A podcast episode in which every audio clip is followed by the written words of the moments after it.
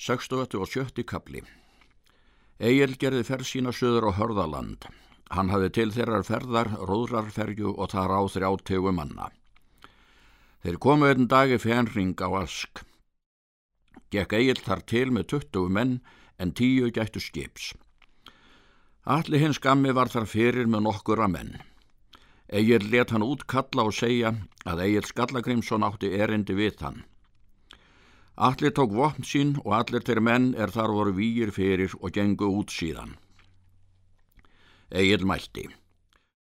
Svo er mér sagt allir að þú munir hafa að varveita fyrir það er ég á að réttu og áskerður kona mín.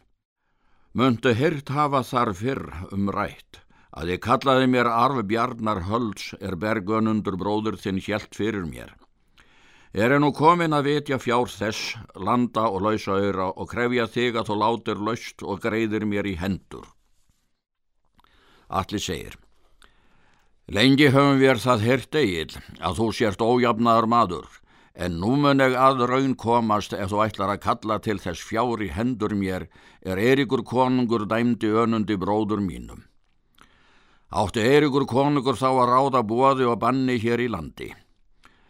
Höfði ég nú, Egil, að þú myndir fyrir því hér komin að bjóða mér í göld fyrir bræður mína er þú tókst af lífi og þú myndir bæta vilja rán það er þú rændir hér á asti. Myndi ég þá veita svör þessum máli, ef þú flyttir þetta erindi fram, en hér kann ég engu svara. Það vil ég, segir Egil, bjóða þér sem ég bauð önundi að gulaþingslög skipi um mál okkur.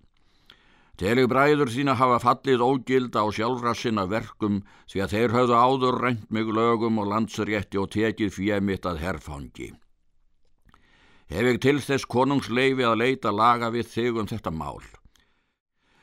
Vil ég stefna þér til gulaþings og hafa þar laga úrskurð um þetta mál. Koma mun ég, segir allir, til gulaþings og megum við þar ræða um þessi mál. Síðan fór Egilli brott með föruniti sitt. Fór hann þá norður í Sogn og inn á Örland til Þorðarmáksins og dvaldist þar til Guðluþings. Og er menn kom til Þings þá kom Egil þar. Alli hens gammi var og þar komin. Þeir tóku þá að tala sín mál og fluttu fram fyrir þeim mönnum er umskildu dæma. Fluttu Egil fram fjárheimtu en allir bauð lögvörn í móti tilt að hann hefði ekki fyrir það að varveita er Egil ætti. Og er allir gekk að dómum með eigðalið sitt þá gekk Egil móti honum og segir að Egil vill hann eigða hans taka fyrir fyrir sitt. Vil ég bjóða þér önnur lög, þau að við göngum á holm hér á þingjunu og hafi sá fyrir þetta er sigur fær.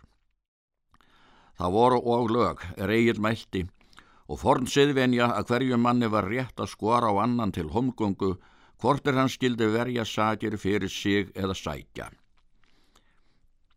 Allir sagði að hann myndi eigi sinja að ganga á holm við eigil. Því að þú mælir það, er ég ætt að mæla, því að ærin að harma á ég að hefna á þér. Þú hefur að jörður lagt bræður mín á tvo og er mér mikill að muna vant að þeir haldi réttum máli ef ég skal heldur láta lausa regnir mínar aflaga fyrir þér en berjast við þig er þú býður mér það.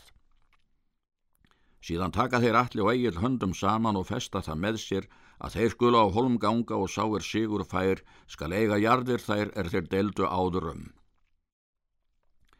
Eftir það búast þeir til holmgöngu Egil gekk fram og hafði hjálm á höfði og skjöld fyrir sér og kesju í hendi, en sverði dragvandil festi hann við hægri hönd sér. Það var siður holmgöngum manna að þurfa ekki að bregða sverði sínu á holmi, láta heldur sverðið hendi fylgja, svo að þegar væri sverði tiltækt er hann vildi. Alli hafði hinn sama búna sem Egil.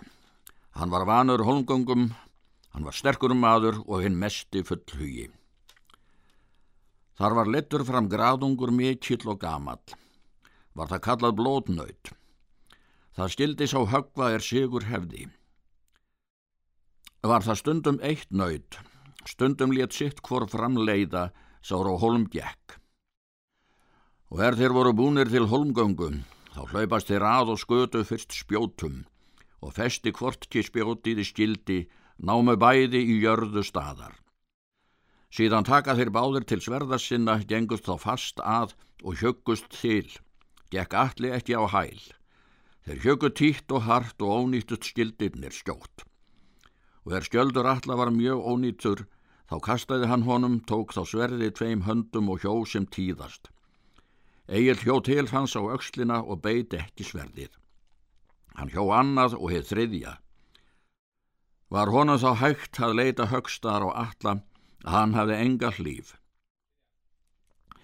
Egil reddi sverðið af öllu afli en ekki beit hvar sem hann hjó til. Sér þá Egil að eigimun hlýða svo búið því að skjöldur hans gerðist þó ónýtur. Þá létt eigið laust sverðið og skjöldin og hljópað alla og greip hann höndum. Kendi þá aflsmunnar og fjell alli á bakaftur en eigið greifðist niður og beiti sundur í honum barkan. Létt alli þar lífsitt. Egil hljóp upp skjótt og þar til er blótnöti stóð, greif annari hendi í granarnar en annari í hornið og snariði svo að fæður vissu upp en í sundur hálsbeinið. Síðan gekk Egil þar til er stóð förniti hans. Þá hvað Egil vísu. Beitatu nú sás brúðum blár dravandill randir, að svít ekkjar deyði allir fram en skammi. Neittak afls við íti, örmálgastan hjörfa, jakslbróður létka eiða, eg bara af söйði nauðum. Síðan egnaðist Egil jardir þær allar er hann hafði til deilt og hann kallaði að ástjörðu kona hans hefði átt að taka eftir föður sinn. Ekki er getið að þá er þið fleira til tíðind á því þingi. Egil fór þá fyrst inn í sogn og skipaði jarðir þær er hann hefði þá fengið að eigin orði.